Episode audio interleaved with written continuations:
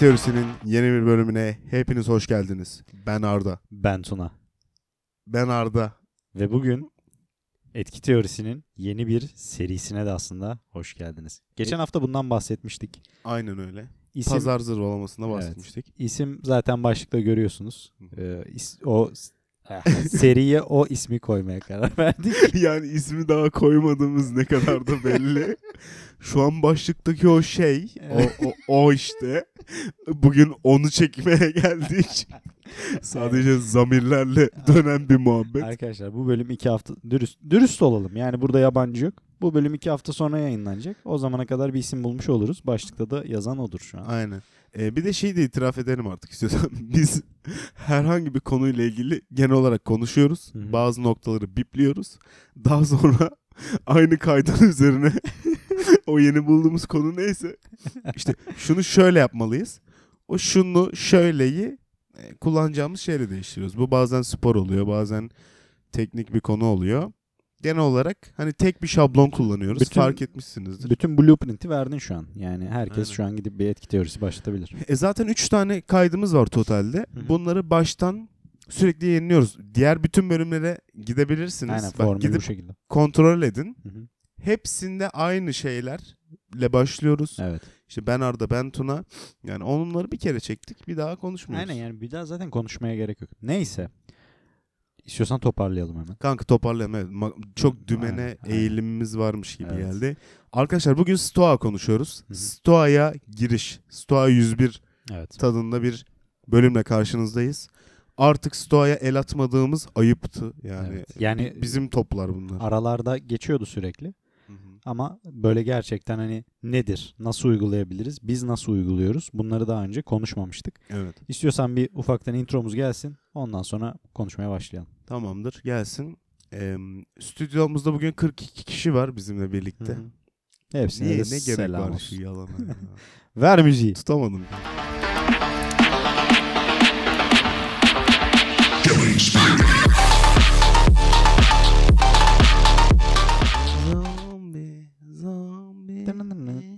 Nasıldı ya Recep İvedik şeyi? Ya Ya da şey de yapabiliriz.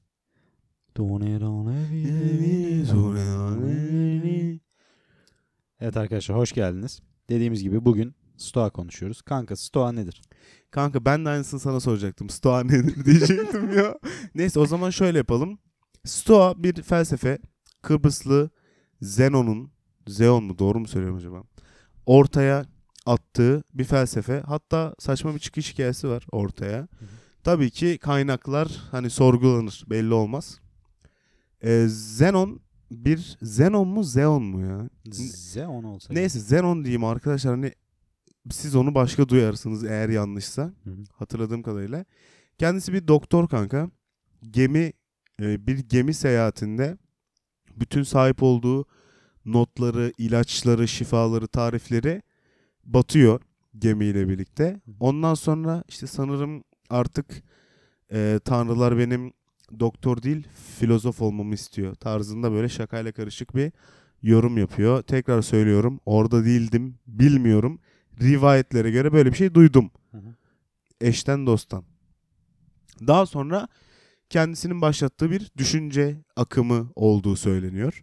Yalnız ki ne? Şöyle de bir şey var. Daha sonra bu düşüncenin tek bir kişiye atfedilmesini istemiyor Stoa'nın e, öğrencileri ve bunu işte kişiden bağımsız daha bir düşünce olarak tutabilmek için Stoa adı veriliyor. Ki Stoa da aslında galiba veranda demekmiş.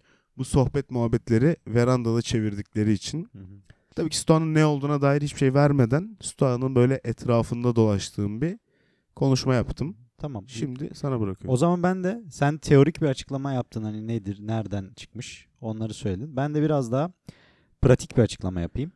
Stoa'nın ne olduğuna dair. hı. Stoa aslında bizim hayatla ve şu özellikle günümüzde modern toplumda ki problemlerle başa çıkabilmemiz için aslında müthiş bir tool set, müthiş bir framework diye düşünüyorum ben. Müthiş bir çatı yani. Mü- Müthiş bir alet çantası. Hı hı. Ne demek istiyorum bununla?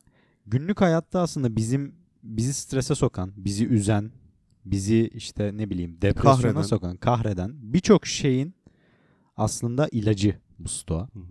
Yani bugün böyle bunda çok derinleşmeyeceğiz diye konuştuk ama bunda derinleşeceğimiz belki çok daha uzun bir bölüm, bizim de çok daha hazırlıklı geldiğimiz bir bölüm bence ileride yapmamız lazım.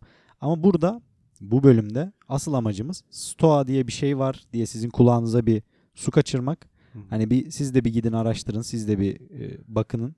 Sonrasında konuşalım, tartışalım. E, görüşürüz. Hayır. Ben o sırada kafamda şey diyordum. İşte eşeğin kapı, kulağına karpuz kabuğu çalmak fikrinden bahsediyor. Sonra olan millete eşek dedik.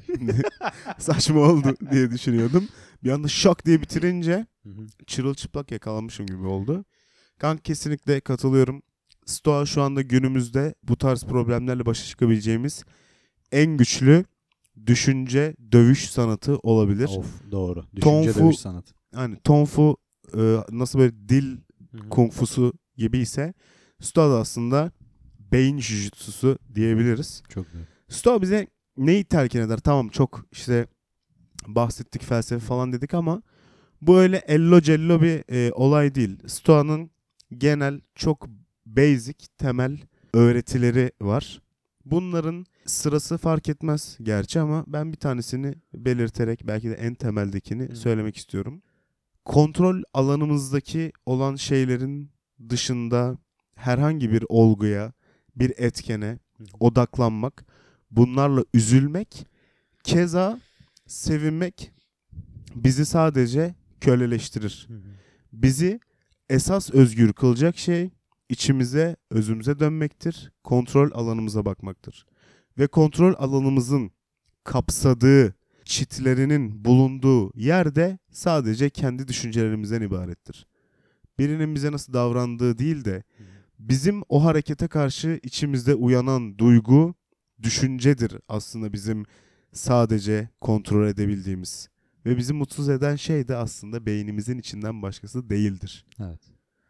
Yani benim Stoa'yı bu kadar zamandır işte üzerine okuduğum kitaplar vesaire, dinlediğim, izlediğim şeylerin sonunda aklımda kalan en öz bu oldu. Evet kaynattığında tencerede en sonunda bu kalıyor değil mi? Katran olarak bu var yani. Aynen.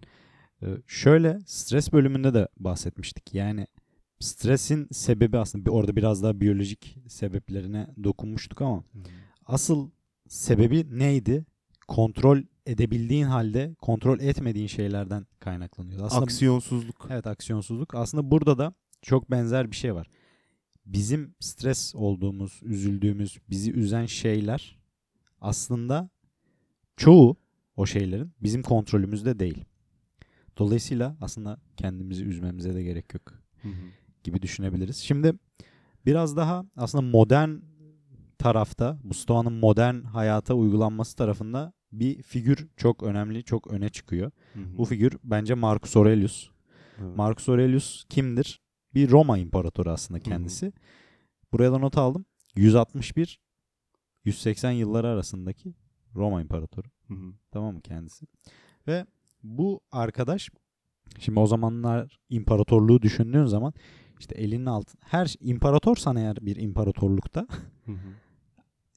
Tanrısın aslında baktığın zaman. Yani her şey Hele ki o yılda. Hele ki o yılda. Yani her şey elinin altında işte istediğin kadar yemek, istediğin kadar kadın, istediğin kadar işte gidiyorsun şeyde gladyatörün ölümüne dövüşmesini izliyorsun. İşte her türlü her şey elinin altında yani Senin baş parmağın hareketine göre can alıp can veriliyor. Aynen öyle. Ama Marcus Aurelius bunu yapmak istemiyor. Marcus Aurelius biraz daha ne diyeyim etik, biraz daha kendi amacına, kendi düşündüğü amaca, hayata dair olan amacına uygun yaşamak istiyor ve kendi düşündüğü amaç da insanlığa hizmet etmek. Hı hı. Dolayısıyla o elindeki bütün imkanlara rağmen bu Stoa felsefesini çok benimsiyor. Ve aslında Stoik dendiği zaman akla gelen ilk isimlerden bir tanesi. hı. Hatta belki de ilk isim. Ne diyor kendisi kısacası? Kontrolünde olmayan ve senin ona bir dikkat vermeni gerektirmeyecek şeylere özen gösterme, şey verme. Dikkat ayırma. Kafanı yorma yani. Beyninde yer tutmasın. beyninde yer tutmasın diyor. Ve bu da aslında az önce dediğimiz gibi Stoa'nın özü olmuş oluyor. Yani senin kontrolündeki şeyler ve senin kontrolünde olmayan şeyler. Hı hı. Eğer bir şey senin kontrolündeyse sen ona işte tamam bu benim umurumda değil diyebilirsin veya bu benim umurumda ben buna bir şey yapayım diyebilirsin. Ama eğer bu şey senin kontrolünde değilse bir insanın sana nasıl davrandığı mesela. Bu senin kontrolünde olan bir şey değil. Senin kontrolünde olan şey senin o insana nasıl davrandığın ve o insanın sana davranışına verdiğin tepki. Mesela atıyorum ikimiz için bir örnek vereyim. Ben sana çok işte saygılı davrandığımı düşünüyorum. Sevgiyle yaklaştığımı düşünüyorum. Ama buna rağmen sen bana işte küfür ediyorsun. Çok kötü davranıyorsun. Şimdi ben bunu şimdi ben seninle olan ilişkimiz için elimden geleni yaptığımı düşünüyorum. Buna rağmen kontrolümdeki şeyi yapmış olmama rağmen senden kötü bir geri dönüş aldım. Bu konuda ben neden kötü hissedeyim ki? Yani ben daha farklı bir şey yapamazdım. Daha iyi bir şey yapamazdım. Ona rağmen sen bana böyle davrandın. Şimdi bu beni neden etkilesin? Aslında Stoa'nın özü bu. Yani in our control versus not in our control. Ee, şöyle aslında Stoa'yı şu anda teoride inceliyoruz. Yani kağıt üstüne biz Stoa'nın ne olduğunu tanıtmaya niyetlenmişiz. Ama bir bölüm de bence şey olmalı. Stoa'nın pratik dersi nasıl teorik ders varsa üniversitede bir de lab dersi vardır. Sonra lab dersi çok ağır. Çünkü biraz ekstrem örnekleri var. Yani Stoa'yı e, biraz da eleştirmeye de bence şu anda minikten başlayabiliriz. Doğru söylüyorsun.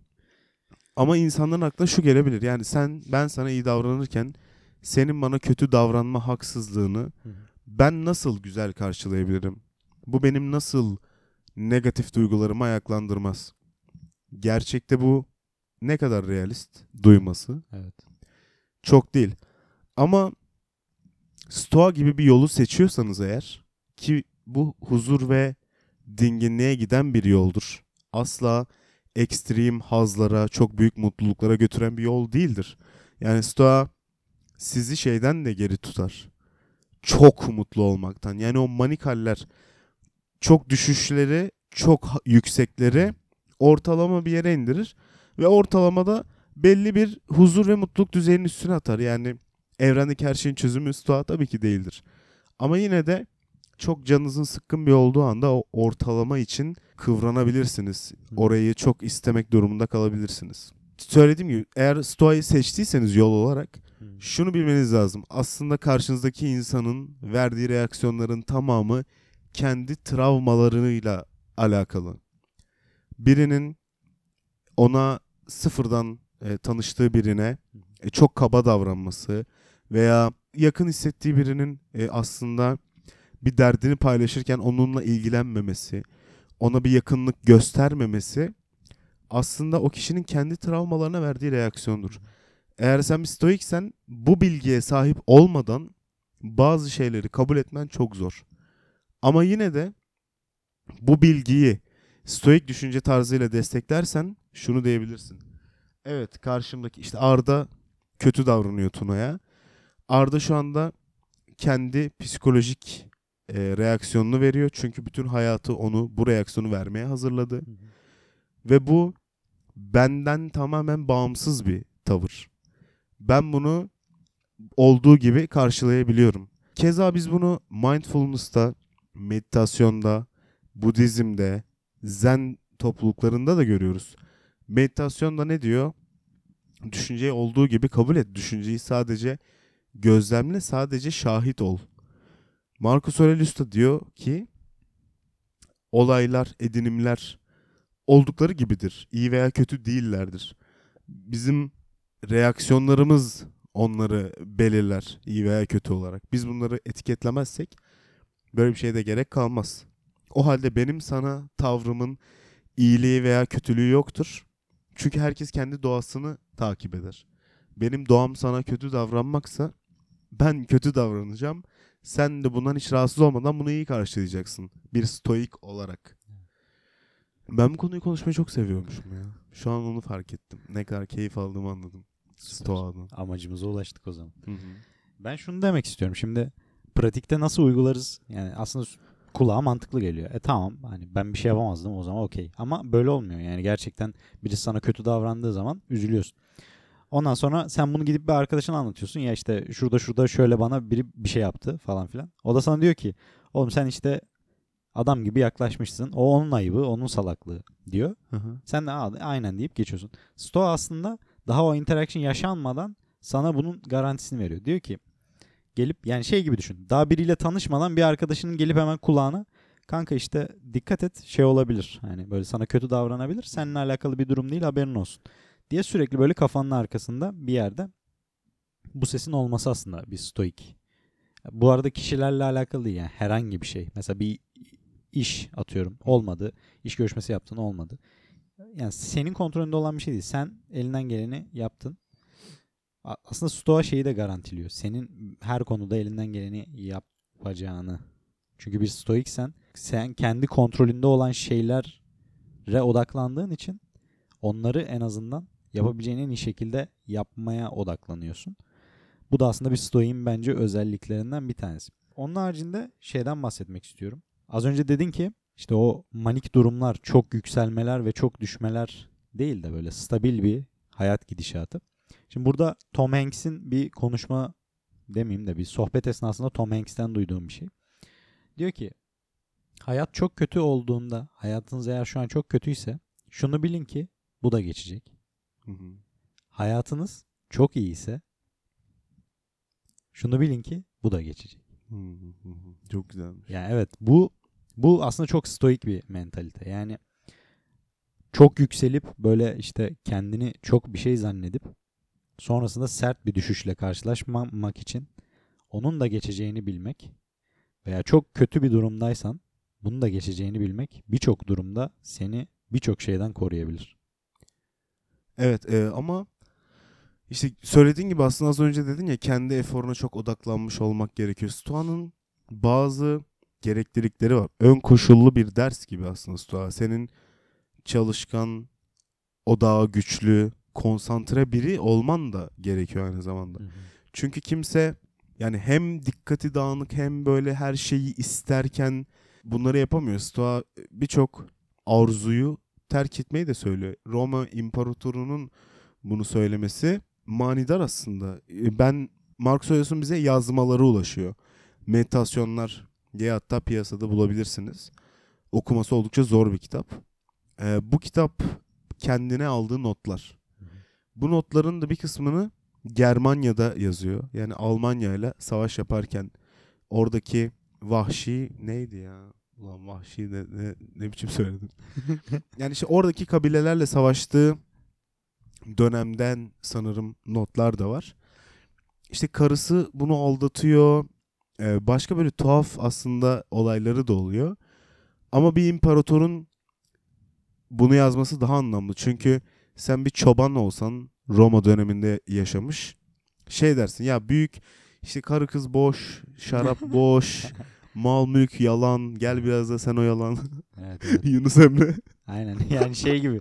İşte neydi zenginin malı, zürdün çenesi şeyi. Yani zengin malıyla fakir karısıyla oynar. Aynen yani.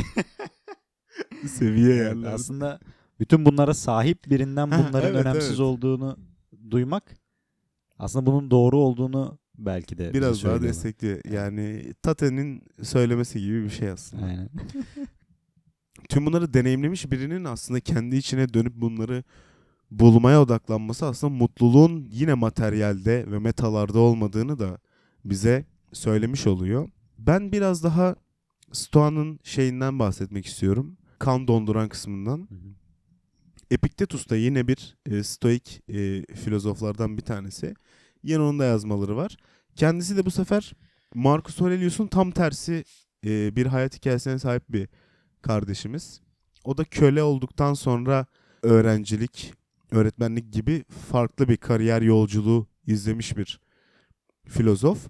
O da yine e, bazı ya tabii ki belli stoik lafları herkes duymuştur ama benim en çok hoşuma giden iki tane vardı. İşte hayat şöyle e, bir ziyafet sofrası düşünün. Bir gemidesiniz. Bir beş dakika iniyorsunuz. Sıranız geldiği zaman ondan uzanın ve yiyin. Hala bana gelmedi sıra diye panik olmayın. İşte benim sıram gitti diye üzülmeyin. Birazcık em, anda kalmayı da telkin ediyor. Veya şöyle bir örneği de var işte. Bir gemide çalışıyorsunuz. Gemi karaya yanaşıyor. İşte karada oyalanın ama çok da hani gitmeyin. Çünkü siren çaldığı zaman tekrar gemiye binip dönüp gideceksiniz. Bunun bilincinde olarak yaşayın. O karada sürekli kalacakmış gibi düşünmeyin. İki dedim ama üç olacak. en böyle beni şok eden de komşunuz öldüğü zaman hayatta böyle şeyler olur. İnsanlar ölür diye düşünürsünüz. Aynısı sizin annenize babanız olduğu zaman da hayat böyledir. İnsanlar yaşar ve ölür diye bilmelisiniz diyor.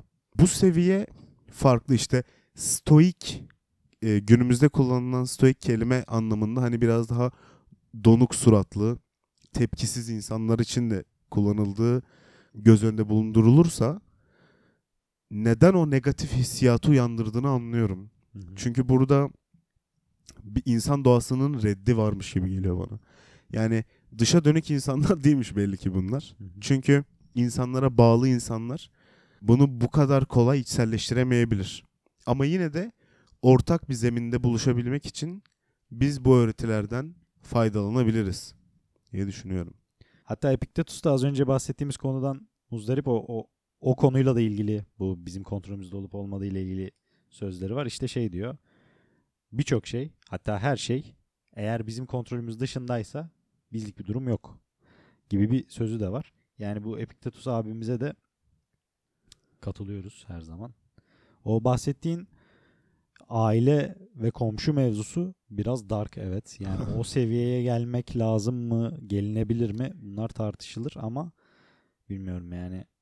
Allah göstermesin diyelim. Tabii canım yani ama bence o da kendi noktasını vurgulamak için yapıyordur. Evet, evet olabilir. Ee, onun haricinde çekilen hayatlar, çekilen zorluklar da başka. Yani bunlar sonuçta 10 yıl önce yaşamış insanlar değil. Hı hı. Dünyanın ölümlere bakış açısı ve bunu kucaklama şekli de çok önemli. Yani belki o zamanlar ortalama hayat e, 37 yaşında falan bitiyordur. Bunu da bayağı araştırmışım gibi söyledim ama yani böyle şeyler olur. Genel olarak bence o bakış açısının vermek istediği tarafı biraz anlatmış gibi olduk. Ee, daha sonraki kısımlarda ben şey de değinmek isterim. Yani direkt meditasyonlar kitabından alıntılarla veya e, Ryan Holiday'in işte güncel daha kolay tüketilebilir stoik açıklamaları üzerine ne diyorum ya ya Ryan Holiday de stoik o da kitaplar yazıyor okuması daha kolay. Aynen yani biraz sindirilmiş bilgi veriyor bize. Aynen kanka evet böyle. Tamam. Ee, Meditations'dan bahsetmişken şimdi bu Marcus Aurelius'ın ardından az önce bahsettiği Meditations işte kendine yazdığı notlar, düşüncelerim Türkçesi galiba. Kitabında e, bir takım şeyler var. Yani onları bilmiyorum. Bu bölümde girelim mi biraz detaya yoksa bir sonraki biraz daha detay videomuzda da girebiliriz. Evet evet E, bu arada video dedin Allah mı söyletti? Olabilir. Belki de öyledir.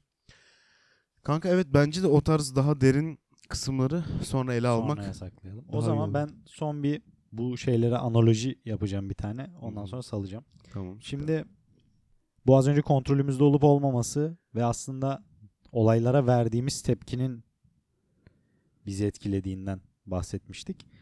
Burada şeyi vurgulamak istiyorum. Mesela atıyorum süper kahramanların hikayelerine baktığımız zaman veya gerçek hayattaki kahramanların veya gerçek hayattaki kötülerin hikayelerine, backstory'lerine baktığımız zaman aslında şeyi görüyor muyuz?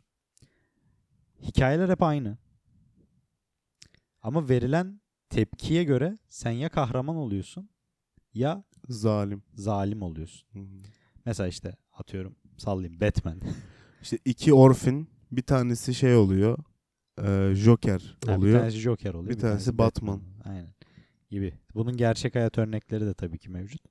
Yani olaya verdiğin tepki, olaya bakış açın, olay aynı bile olsa seni bambaşka bir yola götürebiliyor. Hı hı.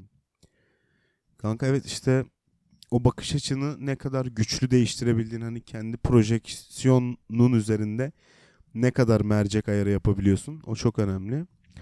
Ee, Sen bir kitap getirdin. Bir, kanka, evet. bir kıble bir şey okuyacaksın galiba. Evet evet. Ee, şöyle ki benim zaten arada story attığım bir kitap bu. Arkadaşlar Stoacı'nın günlüğü kendine hakim olma, sabır ve bilgelik üzerine 366 düşünce diye bir kitap. Ee, bahsettiğim Ryan Holiday dümbüğünün. Böyle her günün bir tarihi var. Bunlarla ilgili e, bir stoik yaklaşım sunuyor. Bir alıntı sunuyor. Bugünün tarihini sonra yayınlıyoruz ama işte önceden kaydettiğimiz bölümlerde oluyor artık. Hani o andan 17 dakika önce çekmişiz gibi fake etmemize gerek yok. Bugün 1 Nisan. iki tane önemli doğum günü var. Hatta üç tane var. İsim verip onları rencide etmeyeceğim. Adı şu düşüncelerinin rengi zihnin sık sık aklından geçen düşüncelerin şeklini alır. Çünkü insan ruhuna rengini veren şey izlenimlerdir. Marcus Aurelius Kendime Düşünceler 5. sayfa 16. satır. Bu tarz benim kendime her zaman rehber olması için yanımda tuttuğum bir başucu kitabı. Çünkü her günün farklı bir e, ihtiyacı, her günün farklı bir şeyi oluyor. Aa evet evet çok iyi. Kral adamsın. E, Edit'te bunu da paylaşalım. Hem Umarım video kapanmamıştır. önermiş oluruz. Videonun kapandığını hiç sanmıyorum. Tuna çok keyifli bir videoydu. Benim de hayatımın bu döneminde çok ihtiyaç duyduğum bir bölüm oldu. Ben e, bizim bölümleri dinledikten sonra etkileniyorum ve onlar üzerine e, bazı iyileştirmelere gitmeye çalışıyorum. Ben de E, öyle. Bu akşam hemen bunlar üzerine biraz daha düşünüp kendi hayat kalitemi biraz daha arttırmaya çalışacağım. Umarım dinleyen herkesin hayatı çok daha güzele, çok daha iyiye gider. E, zor zamanlar var, kolay zamanlar var. E, hepsi geçiyor. Hepsi geçecek. Hepsini halledeceğiz. Tom Hanks'in de dediği gibi. Ben bu yolculukta bana eşlik ettiğin için ekstra teşekkür ederim. Ben de öyle. Yani Teşekkür tüm bir ederim. podcast, tüm bir muhabbetin yanı sıra bu konuda partnerim olduğun için seninle gurur duyuyorum. Seninle bir iş yaptığım için de gurur duyuyorum. Benim duygusal mastürbasyonum bu kadardı. Tamam harika. O zaman ben de son birkaç telkinde bulunayım. Arkadaşlar Stoa'ya bir bakalım olur mu? Stoa'yı bir inceleyelim. Stoa işinize yarayacak. Biz de hala işte okuyoruz, bak bakınıyoruz, bir şeyler çıkarmaya çalışıyoruz, uygulamaya çalışıyoruz. Onu söyleyeyim. Onun haricinde Etki Teorisi Instagram sayfamızdan bizlere ulaşınız, mesaj atınız. Orada tartışalım, konuşalım. Şu an küçük bir kitleyiz ve size söz veriyorum bu kitle büyüyecek. O yüzden hazır kitle küçükken yerlerimizi alalım. Çünkü mesela böyle kemik bir tayfa da aslında oluşuyor. Mesela Hı. şimdi aklıma gelen Serkan, Serkan, İrem, Talayhan Bey, Talayhan Bey, Kingo bak. Bütün Kingolar. Ada Kingo'ların Kingo'su. Ee, başka Ayşe var, Tutku var, Kaan var. Kaan var, Eda, Berkay. Eda, Berkay. Erdem Öykü zaten bizim adamlar. Aynen. İşte eş dost. Herkes e, burada sağlam bir kadro oluşturuyoruz. Hazır küçükken böyle siz de gelin o kemik kadroda. En başından beri biz bunların yanındaydık dersiniz. Diyelim ondan sonra kendinize de çok iyi bakın diye bir telkin vermiş olayım. Yani geri dönüşlerinizi bet- bekliyoruz. Hem bu bölüm üzerinde hem bu yeni seri üzerinde. Ee, Bir sonraki bölümde konuşmak istediğimiz şeylerle ilgili fikir verebilirsiniz veya Stoa 102, 103 gibi. Evet Stoa Onlarda. 102 gelir bu arada. Benim aldığım bazı notlar kaldı biraz derin Aa, kalacaktı. kanka Onları derinleştiririz. Hakkını helal et o zaman. Onları daha güçlendir. Biraz daha psikopat fikirlerle, bomba gibi bölümlerle Stoa'yı delik deşik edelim, bitirelim. Aynen öyle. o zaman görüşmek üzere arkadaşlar. Bay bay.